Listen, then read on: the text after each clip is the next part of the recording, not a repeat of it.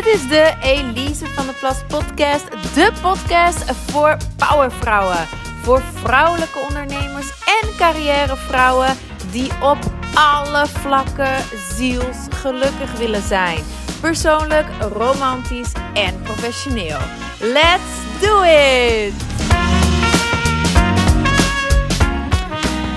Aflevering 18. Ik neem deze aflevering op midden in de vakantie, enkele dagen na mijn verjaardag. Het is nu 19 juli, ja, 17 juli was ik jarig. Vakantietijd, yes, vakantie, heerlijk. Tijd voor ontspanning, no pressure, geen verplichtingen, maar toch pressure. Toch? Want nu moet het gebeuren. Nu moet je verplicht ontspannen en plezier hebben. Nu moeten die batterijen weer volledig opgeladen worden, zodat jij straks na de vakantie weer vol energie aan het werk kan gaan. Met als gevolg dat je dus juist niet tot rust komt. Dat het geforceerd voelt en dat het eigenlijk verre van leuk is, die vakantie. En dat je na je vakantie eigenlijk helemaal opgebrand bent. Oh, ik maak het zelf ook jaar na jaar mee. In België hebben kinderen ruim acht weken zomervakantie. Mijn Nederlandse vriendinnen vallen altijd van hun stoel als ik dat zeg. Yes, ruim acht weken zomervakantie. En ik keek daar eerlijk gezegd altijd echt enorm tegenop. Acht weken, holy moly. Hoe ga ik die vullen? Maar ook, hoe zorg ik ervoor dat ze niet voorbij vliegen die acht weken zonder dat ik echt een vakantiegevoel heb gehad? Met als gevolg dus een vakantiedip, eigenlijk voor, tijdens en na de vakantie. En ik durf het zelfs een vakantie burn-out te noemen. Laatste vakantiejaar. Want die vakantie was echt totaal niet ontspannend, maar zorgde echt voor juist meer spanning dan wanneer Noah gewoon op school zat en ik werkte. Waar kwam die spanning dan vandaan? Ik heb dat voor mezelf, ik ben daar voor mezelf uiteraard nagegaan. Nou, ik persoonlijk ervaarde stress over allerlei dingen tijdens de vakantie. Ten eerste, wat ik net al zei, hoe ga ik ze vullen, die acht weken? Dus ik voelde me echt een, een event manager. Wat ga ik allemaal doen? Hoe ga ik van ochtends tot avonds de dag vullen? En dan natuurlijk ook nog met leuke tripjes, met pedagogisch verantwoorde activiteiten, et cetera. Dus ik legde daarin mezelf best wel wat druk op. Ik ervaarde ook stress over hoeveel geld ik dan vervolgens uitgaf aan de vakantie. Hè? Van ochtends tot avonds allerlei activiteiten, maar ook vakantie. Dus echt, nou ja, vliegvakantie was er dan niet met corona, maar allerlei tripjes van, van de dierentuin tot zwembaden, tot speeltuinen, tot noem het allemaal maar op. Er gaat gewoon hartstikke veel geld in om. Uh, en dan voelde ik ergens ook nog de druk om het allemaal vast te leggen voor The Gram. Het moest allemaal ook nog op foto worden gezet uh, voor Instagram. Om maar ook ergens vanuit mijn ego ben ik me helemaal van bewust te laten zien hoe leuk en hoe geweldig het allemaal was in mijn leven. Um, en naast het eventmanager zijn moest ik natuurlijk ook nog moederen en het huishouden doen. Dus het was echt van spelletjes hier tot snotneuzen en billen afvegen daar. Koken, boodschappen doen en dan natuurlijk standaard nee mama, ik wil niet mee boodschappen doen. Snap ik, ik wil zelf eigenlijk ook niet mee boodschappen doen, maar ik ben een eenmaal alleenstaande mama. Jij bent vijf jaar, dus helaas Noah, je moet nou eenmaal mee. Um, en dan nog voorlezen en schooloefeningen tussendoor. Want ja, anders zou die achterlopen op school na acht weken. Al dus de juf. Kortom, helemaal op was ik na die acht weken vakantie. En dan grapte ik als een boer met kiespijn op het schoolplein. nou, na deze vakantie heb ik een nieuwe vakantie nodig. En zo lachten we dan als moeders eigenlijk onze miserie weg. Maar toen besliste ik wel dat ik dat dus deze vakantie absoluut niet zo zou doen. Het moest echt anders. Um, want echt na die acht weken vorig jaar heb ik de awas een week laten staan. Gewoon omdat ik het niet kon. Ik was helemaal op. Ik heb me ook drie keer overslapen in die eerste week.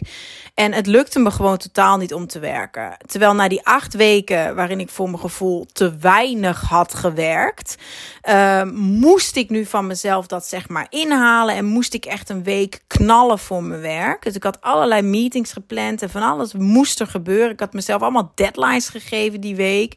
Maar dat lukte gewoon weg niet. Want mijn hoofd zat zo vol en ik was zo moe. En ik was ook heel emotioneel.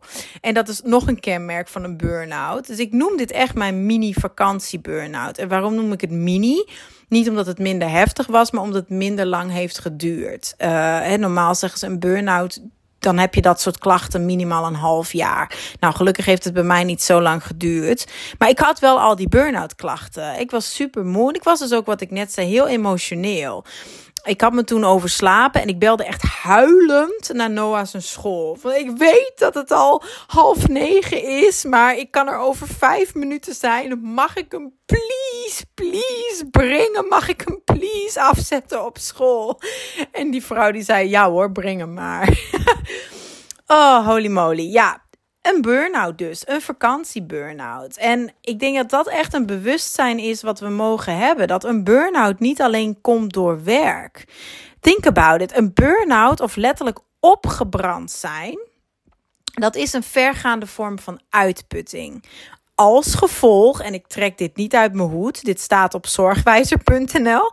Een burn-out is een vergaande vorm van uitputting als gevolg van een lange periode van overspanning en stress een lange periode van overspanning en stress. Dat kan natuurlijk ook acht weken zomervakantie zijn. Let's be honest. Hè? Dus ja, ik had een vakantie burn-out. En ik denk dat dat echt nogmaals eerste bewustzijn is dat we mogen hebben. Dat een burn-out niet alleen maar voortkomt uit werk. Want op zorgwijzer.nl staat ook, chockerende cijfers trouwens, 1,3 miljoen werknemers in Nederland hebben burn-out klachten. 1,3 miljoen. Dat is ongeveer 17% van de beroepsbevolking. Maar ik vraag me dan dus af, oké, hoeveel mensen hebben een burn-out die niet werken? Hoeveel mensen buiten die werknemers of buiten die beroepsbevolking hebben wel niet te lijden onder een burn-out? Hoeveel moeders hebben een burn-out? Die cijfers kon ik nergens vinden. En stap 1 is altijd bewustzijn. Dus ook in dit geval ga ik de klachten oplezen die wijzen op een burn-out, zodat jij ook van jezelf na kan gaan of jij dat misschien ook wel hebt. Of dat jij ja, op het punt staat om over te gaan van stress naar burn-out. 1. De klachten die ze noemen. Spanningsklachten, zoals lichamelijke vermoeidheid, concentratieproblemen, geheugenproblemen, onrustig slapen, piekeren en of een gejaagd gevoel. 2. Het verliezen van de grip op een situatie, het gevoel hebben van machteloosheid, verlies van controle op het leven en de problemen in je leven. 3 de klacht, door de burn-out klachten worden dagelijkse bezigheden moeilijk uitvoerbaar. Soms zelfs onuitvoerbaar. Hè, wat ik zei, zoals de afwas doen. Dit merk je op meerdere vlakken, zowel thuis als op het werk, maar ook in je sociale omgeving en of in het verkeer. Dus dagelijkse bezigheden lukken je gewoon niet meer. En dan zeggen ze dus als dit soort verschijnselen een half jaar aanhouden, dan heb je te maken met een burn-out. Nogmaals, zorgwijzer.nl is hiervan de bron. Ik noem deze klachten heel bewust op. Niet alleen om het bewustzijn erover te vergroten. Want ja, de cijfers zijn echt chockerend hoeveel mensen hiermee dealen. Nou, ik werk natuurlijk specifiek met vrouwen. En wat mij ook nog opviel, is dat heel veel moeders en werkende vrouwen die ik ken en coach, dit niet eens als klachten zien. Ze zien al die dingen die ik net opnoemde helemaal niet als klachten. Ze zien het als gewoon. Als iets wat erbij hoort. Moe zijn, piekeren, niet goed slapen. Oh, moe wakker worden. Af en toe helemaal uit je plaats schieten omdat het je te veel wordt. Het gevoel hebben om geleefd te worden. Zijn dat klachten? Zijn dat kenmerken van een burn-out? Huh? Dat is te gewoon normaal? Nee, lieve schat, dat is het niet. Het is niet normaal om continu in die survival modus te zitten. Het is niet normaal, sterker nog, het is heel erg ongezond. Nu, onder het mom van beter voorkomen dan genezen, zal ik een paar tips geven wat ik ook doe met mijn coachingklanten en wat je helpt om een burn-out tegen te gaan. Ook als je eruit bent gekomen, om dan te voorkomen dat je weer in een burn-out kan belanden. Want dat gebeurt ook heel veel. Heel veel vrouwen komen uit een burn-out om vervolgens gewoon weer in een burn-out te belanden. Allereerst als tip zorg ervoor dat gebeurtenissen die jou veel spanning opleveren, hè, gebeurtenissen die veel spanning met zich meebrengen, dat je die in die mogelijk spreidt. En het is dus belangrijk om hierbij te beseffen dat we denken dan vaak aan negatieve gebeurtenissen. Hè? Dat levert spanning op. Maar ik zei het al, vakantieburn-out, ook positieve gebeurtenissen kunnen jou heel veel spanning en stress opleveren. Um, dus dat kan van dingen gaan in je onderneming, zoals een grote lancering of een rebranding. Maar ook dus als dingen zoals trouwen of verhuizen of een kind krijgen. Dat, dat vinden we vaak dingen die leuk zijn, maar dat kan best heel veel spanning en stress geven.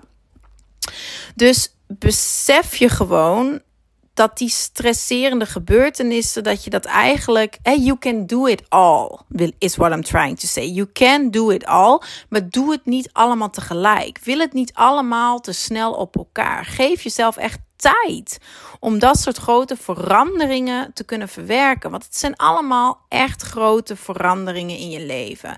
Ouder worden, maar ook bijvoorbeeld de zorg van een ouder op je nemen. Een relatie verliezen of een vriendschap verliezen. Een nieuwe functie op je werk aannemen. Dat, kan, dat zegt iedereen proficiat. Jee, gefeliciteerd met de promotie. Of eh, groeipijnen die ook gepaard gaan met, met meer omzet draaien in je onderneming. Of een team aannemen, je eerste werknemer aannemen, et cetera. Dat zijn leuke gebeurtenissen, maar ook dingen die gewoon heel veel spanning met zich meebrengen. Dus wees je daar bewust van en probeer dat soort dingen te spreiden. Als er zoiets is in je leven, gun jezelf dan ook de tijd om ja, te wennen nogmaals aan die verandering. En het tweede tip is ook vraag hulp als je in een burn-out zit of je voelt het aankomen, stap dan echt naar een professional. Dat is echt belangrijk. Maar vraag ook hulp aan mensen in je omgeving. Schaam je ook niet om te zeggen dat het even te veel voor je is en dat je gewoon rust nodig hebt. Laat iemand op je kinderen passen. Stuur je kinderen naar vakantiekamp zonder schuldgevoel. Hè? Geef werkopdrachten uit handen aan een collega. Zeg nee. Leer je grenzen aangeven. En bij die laatste dingen kan een coach je uiteraard ook helpen om dat te leren. Nou, tot slot voor nu een tip. Ga uiteraard ook na welke dingen dan spanning veroorzaken. Want dat is ook niet voor iedereen hetzelfde. Wat voor jou spanning oplevert, zal misschien voor mij juist heel ontspannend zijn, kunnen zijn. Maar weet voor jezelf, heb die zelfkennis. Weet wat jouw spanning oplevert, wat jouw energie zuigt. En weet uiteraard ook welke dingen jou dan energie geven en welke dingen voor jou heel ontspannend werken. Het is echt een kwestie van dat te weten, maar daarnaast dan ook de vaardigheden te ontwikkelen. En daar kan een coach je uiteraard ook bij helpen. De vaardigheden te ontwikkelen om om te kunnen gaan met die spanning. Want er zal wel altijd spanning in je leven zijn, maar ook om je leven zo in te richten dat er over het algemeen gewoon minder spanning is en dat er ook meer ruimte is voor ontspanning. Ja, ik ben echt benieuwd of jij je de laatste keer kan herinneren dat je een hele dag, één dag, dat je een hele dag leefde vanuit een relaxed flow. Dat je geen enkele van die klachten had die ik noemde. Niet piekeren, niet slecht geslapen, niet emotioneel, niet grote ups en downs, maar dat je gewoon echt een hele dag leefde vanuit een zalig, relaxed flow. Dat je ook genoot van je werk, genoot van het moederschap of ondernemerschap, genoot van tijd met jezelf, genoot van ontspanning. Ik ben echt oprecht benieuwd. Want ik dacht echt dat dat eigenlijk onmogelijk was. Een hele dag, dat kan toch niet? Er gaat toch altijd wel een beetje stress zijn, een beetje spanning zijn. Ik dacht echt dat dat te, te veel gevraagd was. Maar ik weet nu dat het echt kan. En ook dat niemand eronder zal lijden als jij je leven zo inricht. En als jij jezelf dat gunt. Om te leven, te zijn en te werken vanuit zo'n flow. Nou, ik gelukkig ervaar deze vakantie totaal anders dan de vorige vakanties. Echt waar. Ik bereidde deze podcast aflevering ook voor in een hangmat in de tuin van mijn ouders. Terwijl Noah een film keek op de iPad. Ik voelde me daar totaal niet schuldig over. Zalig. I love it. Het hoeft echt, dat is nog een tip eigenlijk. Het hoeft echt niet zo moeilijk te zijn. Geef jezelf die goedkeuring maar. Richt je leven maar wat makkelijker in. Maak het maar wat leuker en lichter voor jezelf. Wil maar wat minder. en wees maar gewoon wat meer. Wees maar gewoon wat meer jezelf, maar doe en wil maar wat minder. Ik geef je bij deze de goedkeuring. Maak er een ontspannende vakantie van. Geniet van je vakantie. En tot volgende week, want dan ben ik er weer met een nieuwe podcastaflevering. En tot die tijd natuurlijk, mocht je echt vastlopen, gebruik dan deze vakantie, gebruik dit moment om naar Elise van der Plas, Elise VD Plas is dat, elisevdplas.com te gaan en plan een gesprek in met mij. Plan een gesprek in met mij, zodat ik je verder kan helpen. Want mijn hulp kun je krijgen. Er zijn momenteel nog twee coachingplaatsen. Maar ook buiten het coachingtraject denk ik heel graag vrijblijvend even met je mee. Help ik je graag weer even op weg naar meer flow, meer liefdevolle verbinding en meer ontspanning. Ik spreek je hopelijk snel. En anders dan uh, hoor je mij volgende week weer. Bye bye. Doeg. Fijne vakantie.